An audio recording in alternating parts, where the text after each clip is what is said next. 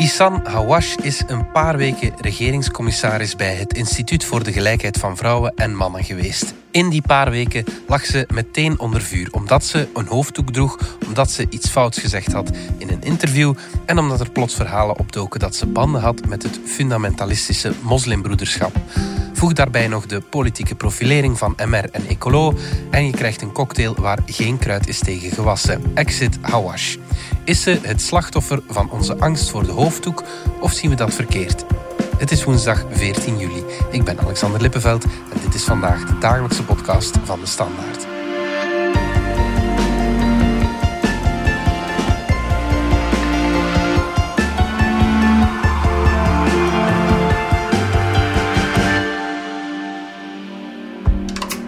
Arden van onze politieke redactie.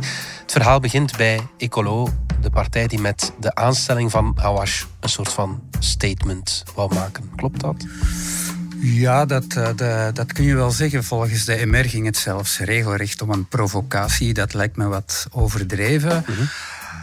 Aan de ene kant kun je toch wel zeggen dat ze een mooi cv had. Het is niet iemand die zomaar van straat is geplukt. Het is een, uh, het is een handelsingenieur van de Solvay Business Hogeschool. Ze heeft ook nog, denk ik, internationale politiek gestudeerd. Ze is jarenlang manager geweest bij Engie. Ze zit ook voor de Brusselse regering zit ze in de Brusselse energieregulator. Uh, sinds een aantal jaren is ze ook zelfstandig onderneemster geworden. Ze is actief in allerlei organisaties. Dus het is wel iemand met een goed professioneel verleden. Aan de andere kant is het ook iemand die met heel veel overtuiging een hoofddoek draagt. Ja, en daarom vindt de MR dat een provocatie. Ja. ja. Er zitten twee luiken aan. Aan de ene kant heb je het Brusselse verhaal waar de MR in de oppositie zit en men weet dat het hele hoofddoekenverhaal zeg maar, heel gevoelig ligt in die Brusselse regering naar aanleiding van een vonnis van de arbeidsrechtbank uh, rond de MIVB. Uh, eh, dus men weet dat het daar pijn doet. Ecolo wil dat dat wordt toegestaan. De PS is verdeeld. Defi, die ook in de Brusselse regering zit, wil dat niet enzovoort. Dus de ja. MR weet dat dat gevoelig ligt. Aan de andere kant vindt de MR ook dat ze moet opkomen voor een neutrale overheid. Want daarover is er discussie. Is een regeringscommissaris, al dan niet een ambtenaar, mhm. dat die neutraal moeten zijn en dus dat het dragen van een hoofddoek uh, ontoelaatbaar is. Ja. Is het de eerste keer in haar carrière dat ze daarop stoot? Nee, zeker niet. Het is iemand die, dat, dat kunnen we wel zeggen, die heel overtuigd de hoofddoek draagt. Mhm. Ehm, al in de secundaire school droeg ze een hoofddoek. Ze wilde ook eerst advocaat worden. Mhm. Maar toen bleek dat, het, uh, dat ze absoluut niet mocht pleiten met een hoofddoek, is ze overgeschakeld naar handelsingenieur. En ook tijdens een of andere cursus heeft een professor op een bepaald moment tegen haar gezegd: ja, die hoofddoek moet uit. Nu, dan is ze wel geholpen door de rector, die dan uh, sprak over een misverstand. En enfin, dan is ze daar wel in gesteund geweest. Maar het is iemand die op dat vlak wel wat discussie gewoon is, laat ik het zo samenvatten. Ja, Overigens is er ook nog een uh, saillant detail. Jean Hawash is de zus van de woordvoerster van Georges-Louis Boucher. Oké. En je hoorde al heel snel in de Kamer, ja, dat is niet alleen een politieke zaak, maar dat is ook een familiezaak. Mhm. Want de, de, zus draagt geen hoofddoek, Jean draagt wel een hoofddoek. En dus dat zou er ook toe gebracht hebben dat Boucher zich uh, vooral op haar gefixeerd heeft. Ik weet niet in hoeverre dat dat klopt, maar in elk geval, ja, het geeft toch een zekere ironie ook aan het verhaal. Dat die hele discussie ook families doorklieft. Hm. Haar benoeming verscheen begin mei al in het staatsblad, of de eerste helft van mei. Mhm. Maar de poppen gingen maar in juni aan het dansen. Waarom duurde het toch nog zo lang? Wel, Uiteindelijk, zo'n benoeming is het prerogatief van de minister of staatssecretaris die bevoegd is voor de instelling waar de regeringscommissaris wordt benoemd. De regeringscommissaris is een beetje het oog van Moskou, van de regering. Het is een vertegenwoordiger van de regering in een instelling die onder voogdij staat van de overheid. Wat doet die man of vrouw? Ja, die kijkt of alles volgens de regels gebeurt, of de politiek van de regering wel wordt uitgevoerd en dat soort dingen meer. En uiteindelijk is Sarah Slitch, die is de voogdijminister van dat instituut. En van die, Ecolo. die, is, die is van Ecolo. En die hoeft dat eigenlijk niet te melden. Mhm. Dus die heeft dat gewoon gedaan, omdat zij daar ook voor bevoegd is. Dat is geen regeringszaak. Dus met andere woorden, is een beetje onder water uh, gebleven, als ik het zo mag zeggen. En dan, ja, toen op een of andere Marokkaanse webstack een profiel van haar werd gemaakt. Van kijk eens, een vrouw met een hoofddoek, regeringscommissaris in het Instituut voor Gelijkheid voor Vrouwen en Mannen. Ja, ja dan is de NVA erop gesprongen. Maar dan is ook vooral uh, Georges-Louis Boucher van de MR erop gesprongen. En dan had je dus echt wel een discussie. Ja, ja, ja. En waarom hamert eh, Boucher en de MR zo hard op die neutraliteit van... U, jij en ik komen zelden in aanraking met de, de regeringscommissaris, denk ik, Bart. Jij misschien wel, maar bon. Nee, eigenlijk niemand. Het is heel zelden uh, dat een regeringscommissaris in de actualiteit komt. Dus eigenlijk had dat gewoon um, geruisloos kunnen passeren. Ja. Alleen, ja, zoals ik al eerder vertelde, er, je hebt natuurlijk de Brusselse context, hè, waar dat samenviel met een hele discussie over een vrouw die met een hoofddoek niet mocht solliciteren bij de MIVB naar de arbeidsrechtbank is gegaan, mhm. daar gelijk heeft gekregen. En dan was de vraag, gaat de MIVB in beroep of niet? Dus dat was een zaak die, die de Brusselse regering enorm verdeelde. Dus, mhm. dus Boucher wist dat het daar pijn kon doen. Dus in die zin is mevrouw Hawaj een beetje het slachtoffer van de omstandigheden geweest.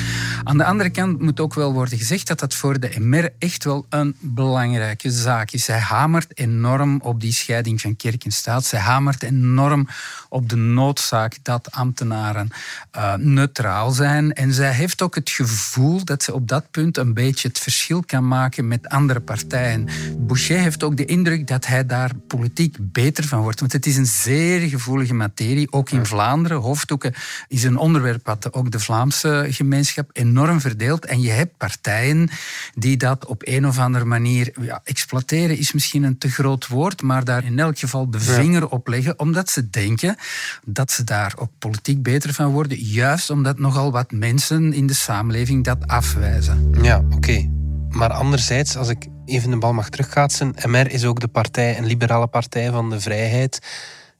Staan die dan ook ergens niet voor het principe van iedereen mag zich uitdrukken zoals hij wil. Iedereen mag zich inderdaad uitdrukken zoals hij of zij wil. Alleen dat moet in de, in de, in de privésfeer gebeuren. Van zodra dat je in een overheidssituatie zit of een situatie waarbij dat je een zekere autoriteit kunt uitoefenen of in een situatie waarbij je de regering vertegenwoordigt en dus niet alleen Sarah Schlitz, maar de volledige regering ja, dan zegt uh, Boucher, ja goed, dan kan het niet dat iemand een hoofddoek draagt. En dat is eigenlijk ook wel een beetje het standpunt van Open VLD. Alleen heeft men dat daar veel minder uitgesproken verteld, omdat ze natuurlijk met uh, Alexander de Croo zit, uh, regeringsleider, en die moet een beetje iedereen te vriend houden. Dus de Open VLD kon op dit onderwerp niet voluit gaan. Ja, oké.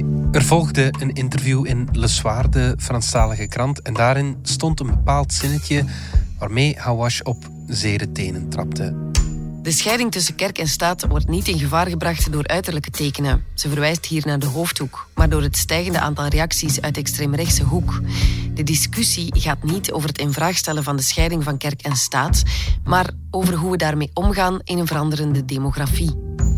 Dat interview was achteraf gezien buitengewoon ongelukkig. Om verschillende redenen. Eerst en vooral, het interview was wel ten persoonlijke titel, maar eigenlijk is, het, is dat zowat het laatste wat een regeringscommissaris moet doen. Dat is interviews geven over een gevoelig onderwerp dat eigenlijk ook te maken heeft met de instelling waarin dat je actief bent. Hè, de Instituut voor Gelijkheid voor Vrouwen en Mannen. Dus dat was al een eerste punt. Dat was dus bijzonder onverstandig. En het tweede punt was ja, dat ze vond dat de principes, de democratische principes van de overheid niet door moslims of door het dragen van een hoofddoek uh, in gevaar werden gebracht, maar wel door extreem rechts. Opnieuw een politieke uitspraak.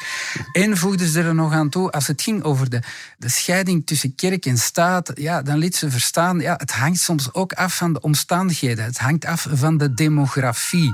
Ja. Dus lees, ja, naarmate er meer moslims hier in België wonen, zou het wel eens kunnen dat die scheiding tussen kerk en staat wordt genuanceerd of opgeheven. Ze zei dat niet met zoveel woorden, maar het werd op zijn zacht gezegd gesuggereerd. Ja. En dat was natuurlijk buitengewoon ongelukkig, omdat je op die manier een idee wat al leeft, wat sommige mensen weer ontkennen, maar goed, het leeft, hè, dat je op die manier de idee van de omvolking, hè, met name hè, de gewone Vlamingen en Walen, eh, die worden verdrongen door buitenlanders met een andere godsdienst, dat je dat idee begon te voeden. En dus krijg je een soort... Ja, dat, dat, het is koren op de molen voor bepaalde partijen. Mm, maar dat was eigenlijk koren op de molen van iedereen, uh, laat ik het zo zeggen. Want eigenlijk in het parlement kon je zelfs bij Ecolo niemand vinden die dat kon verdedigen. Dat het, Omdat je dan toch ergens de indruk geeft dat je een en ander van, laten we zeggen, de manier waarop dit land is georganiseerd, dat je dat nog niet helemaal begrepen ja. We luisteren even naar Egbert Lagarde van Open VLD vorige week in de Kamer en hij is duidelijk. Ik heb inderdaad ook het interview gelezen van uh, de regeringscommissaris in de Soir dit weekend. En zij wekt daar de indruk alsof bepaalde principes zouden moeten aangepast worden aan de demografie. En daar wil ik natuurlijk ook wel van de regering een duidelijk standpunt. Omdat wij als liberalen dat natuurlijk nooit kunnen aanvaarden. Die grondwettelijke principes die moeten blijven bestaan. Want als we daaraan tornen, dan is een diverse samenleving ook niet mogelijk. Heeft de regering zich op dat moment gedistanceerd van Hawash? Wel, er is heel snel, uh, vorige week zijn er een aantal mondelinge vragen geweest. En dat moeten we toch wel zeggen, was een absolute polwassing voor haar. Hmm. Dus zowel de Kro, maar ook Sarah Schlitz waren vrij scherp. En het kwam erop neer van, goed, we willen dit nog wel door de vingers zien, maar het is echt wel de laatste keer geweest dat, we dit soort van discussies uh, voeren. En ik denk dat dan, na die, laten we zeggen, na het debat in het parlement, dat dan mevrouw Hawash ook wel heeft ingezien dat haar positie als regeringscommissaris onhoudbaar was. Ja, ja, ja. Dit is wat Alexander de Croo vorige week in het parlement zei. De regering zal dus niet aanvaarden dat die onpartijdigheid met de voeten zou getreden worden. Dat wil zeggen dat de passage van het voorbije weekend niet voor herhaling vatbaar is. Er is geen enkele ruimte meer voor nieuwe incidenten of nieuwe controverse in dit domein. Ze heeft zich toch nog geëxcuseerd in een lange Facebook-post waarin ze schreef dat ze zich in het interview onvolledig en onhandig had geformuleerd. Met de verwijzing naar de demografie wilde ik in geen geval het belang van de scheiding van kerk en staat relativeren. Dat woord was slecht gekozen en past niet in de redenering. Ik begrijp dat religie in geen enkele omstandigheid mag interfereren met het overheidsbeleid. Maar die knieval was blijkbaar niet genoeg. Hè? Klopt. Maar als je die post goed leest, uh, dan heb je toch ook de indruk dat dat allemaal enorm ja, gefabriceerd was met het kabinet van Sarah Schlitz. Dat daar toch iets bleef hangen, dat het dat niet oprecht was. Eigenlijk kon ze, het, uh, kon ze het gewoon niet meer rechtzetten. Nee, ja, want er kwam dan nog een schepje bovenop. Ze werd plots gelinkt aan de moslimbroeders. Ja, ze werd inderdaad plots gelinkt aan de moslimbroeders. Nu moeten we nog zien wat daarvan klopt. Volgens wat wij horen is er eigenlijk geen sprake van lidmaatschap, is er ook geen sprake van omgang, of beter gezegd staat ze ook niet op de radar van de staatsveiligheid omwille van extremistische uitlatingen of zo. Het is, de, de vraag is gewoon, het zou kunnen dat zij misschien onbewust in contact is gekomen met mensen die inderdaad actief zijn bij de moslimbroeders. Ja. Maar ze zegt zelf dat dat eigenlijk totaal niet gespeeld heeft in haar beslissing. En ik denk eerlijk gezegd dat dat klopt. Ik denk dat zij voor zichzelf de afweging heeft gemaakt wat wel meer gebeurt in dat soort van situaties, dat je misschien wel mocht blijven zitten, maar dat je, dat je wel de indruk hebt dat je niet meer kunt functioneren op een geloofwaardige manier. Ja, en dan vertrek je maar beter. Ja. Is ze het slachtoffer geworden van het opbod tussen Ecolo en, en MR ergens? Voor een stuk wel, maar ik vind ook wel dat ze zelf redelijk in de fout is gegaan. Ik denk dat ze ook wel had moeten inzien dat het allemaal heel gevoelig lag. En ze had natuurlijk ook kunnen weten dat er een, dat er een hevige politieke discussie bezig was. Dus je kunt zeggen, ja goed, ze is het slachtoffer geworden. ik lees soms ook, ze is het slachtoffer geworden van racisme, van islamofobie. Ik denk dat het vooral het slachtoffer is geworden van een soort politieke naïviteit. Laten we het daarop houden. En het klopt, er is een grote gevoeligheid rond het dragen van een hoofddoek. Dat, ik denk niet dat we dat kunnen ontkennen. Aan de andere kant heb ik ook bijvoorbeeld op een VLD-fractieleider Maggie de Blok horen zeggen van hmm, mij lijkt het een hele goede keuze, want het meisje zal wel weten wat discriminatie is. Met andere woorden, ik ben er zeker van dat ze, dat ze op haar plaats was geweest in die instelling, ook zelfs als ze een hoofddoek droeg. Alleen had ze zich dan op de vlakte moeten houden. En eigenlijk, en dat is een beetje het drama ook, die hele kwestie was van de baan. Iedereen was het een beetje vergeten. En dan plots komt ze daar met een explosief interview. En dan was het boeken dicht natuurlijk. Ja, ja. die hoofddoek, Bart, je draait al een paar jaar mee in de wedstraat. Dat is een onmogelijk debat geworden. Hè?